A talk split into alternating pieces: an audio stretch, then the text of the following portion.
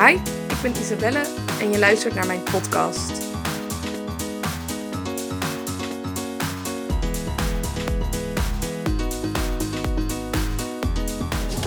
Good morning! Nou, voor mij is het uh, nu in ieder geval ochtend. Ik heb gisteren uh, mijn online training van de cursus gegeven. En ik wilde jullie hier ook een klein stukje in meenemen over hè, wat ik heb verteld en hoe dat was. En in deze online training heb ik vijf redenen verteld waarom je nog geen krachtige mindset hebt. En dit noem ik ook wel je blinde vlekken. Je hebt drie levels van kennis namelijk. Je hebt dingen die je weet. Dus je weet dat je bepaalde informatie, um, hè, dat je die hebt en of je daar wat mee doet. Nou, dat laten we dan nog even buiten beschouwing. Je hebt uh, weten dat je iets niet weet. Dus uh, dan weet je ook van, hè, ik moet uh, hulp gaan inschakelen van iemand die die kennis wel heeft. Of ik moet mijn kennis gaan vergroten. En het laatste level is het level van blinde vlekken. En daar hebben we het gisteren heel uitgebreid over gehad. Wat zijn bijvoorbeeld uh, blinde vlekken die maken dat je nog geen krachtige mindset hebt? En de valkuil van blinde vlekken is dus dat je er niks aan doet, omdat je het gewoon niet ziet. He, je hebt dat stukje van je weet iets of je weet iets niet. Maar bij een blinde vlek weet je niet dat je iets niet weet. Dus uh, je gaat door omdat je denkt dat je lekker bezig bent. En een van de blinde vlekken die we hebben is het reptiele brein. En daar wil ik iets meer over vertellen. Je hebt namelijk drie, nou ja, niet soorten bij je, bij je brein, maar drie soorten functies eigenlijk. En uh, het meest recente stukje brein is het rationele brein. Dat hebben we als mens, nou ja, dat is nog niet zo heel oud en daarom kunnen we dat ook nog niet zo heel goed gebruiken. Dat is echt het, het rationele, het stukje planning, het stukje uh, logisch nadenken. Dat is echt pas heel recent gekomen. En dan zie je ook in het stukje mindset dat dat ook nog uh, onderontwikkeld is, omdat andere soorten brein het daarvan winnen op bepaalde momenten. Want een ander stuk brein is het emotionele brein. Dat is al iets ouder. En dat zijn echt die emoties van uh, blijdschap, angst. En uh, die werkt heel nauw samen met het stukje reptiele brein. En het reptiele brein is het alleroudste stukje brein. En die is erop gemaakt om jou veilig te houden. En dan snap je ook wel dat het een heel essentieel stukje brein is. Want veiligheid was het aller, allerbelangrijkste. Want als je niet veilig was, dan kon je ook, uh, nou ja, dan kon je niet leven en geen nageslag maken. En dan zouden mensen gewoon uitsterven. En het reptiele brein is er dus op gemaakt om jou veilig te houden, zowel fysiek als mentaal.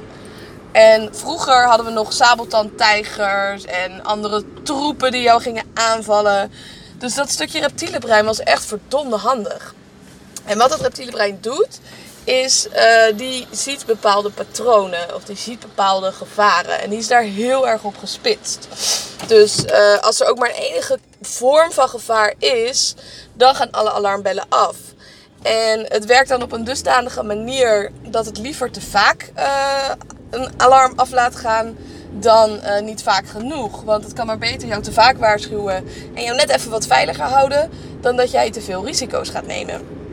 Dus wat er gebeurt is dat op het moment dat er een gevaar dreigt, dat jouw reptiele brein er alles aan doet om dat gevaar zo snel mogelijk uit de weg te gaan.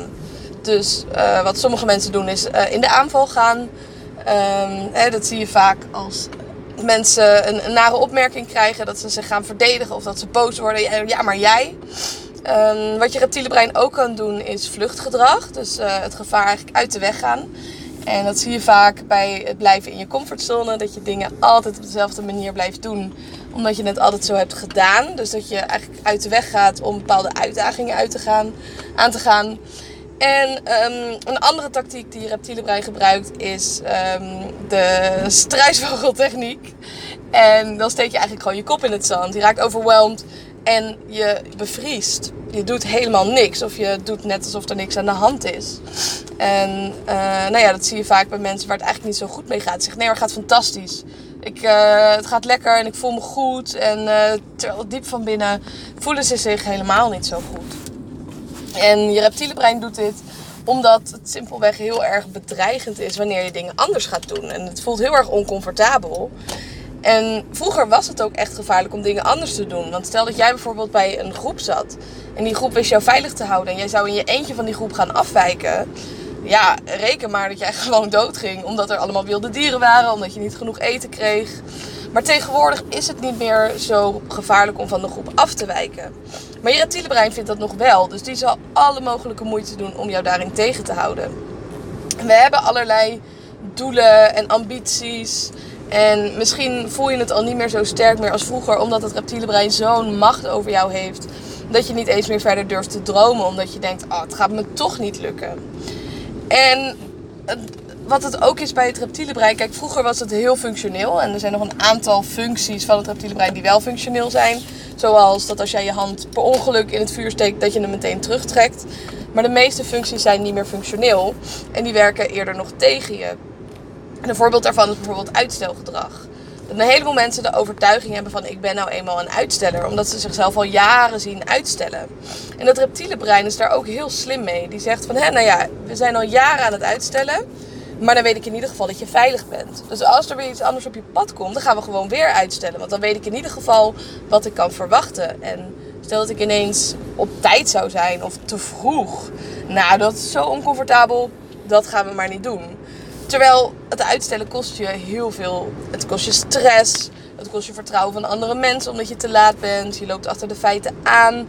Je doet je werk minder goed omdat je zo gehaast bent.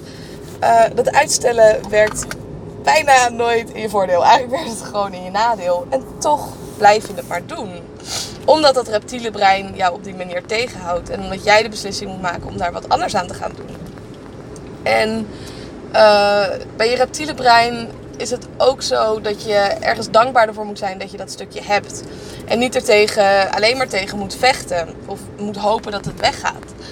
En de zaak is juist om uh, enerzijds de discussie aan te gaan van is het ook wel echt zo? Uh, anderzijds om er gewoon niet naar te luisteren en eens te ervaren hoe dat is, het oncomfortabele gevoel. En ik noem dat ook wel comfortabel zijn met oncomfortabel zijn. Om te gaan ervaren van hoe voelt dat nou om, uh, om me zo oncomfortabel te voelen. Waar, waar voel ik dat? Bij mij is dat vaak in mijn buik. Dan krijg ik een beetje een knoop in mijn maag. Dan denk ik, oeh, het is heel oncomfortabel.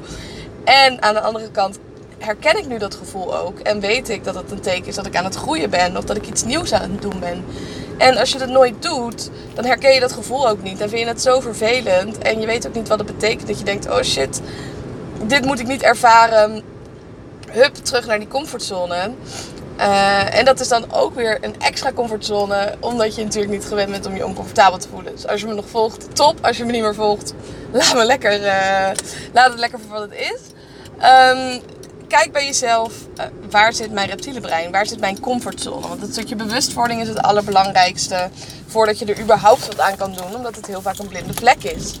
Wat zijn van jou bepaalde patronen die je al jaren op dezelfde manier doet? Of eigenschappen waarvan je denkt, ja, ik ben nou eenmaal zo. Waar je aan de andere kant van denkt, ja, maar misschien kan het wel anders. Wat nou als ik zeg maar daarmee zou kunnen stoppen? En dan hoef je er niet meteen mee te stoppen, maar het is puur een gedachte-experiment om er eens over na te denken. Bedankt voor het luisteren naar mijn podcast. Ik hoop dat ik je even power heb kunnen geven en een inzicht dat je denkt, damn, nu kan ik weer even gaan. Vergeet me niet te volgen op Instagram, isabellelifts. Of mijn site even te bezoeken, isabelleveteris.com.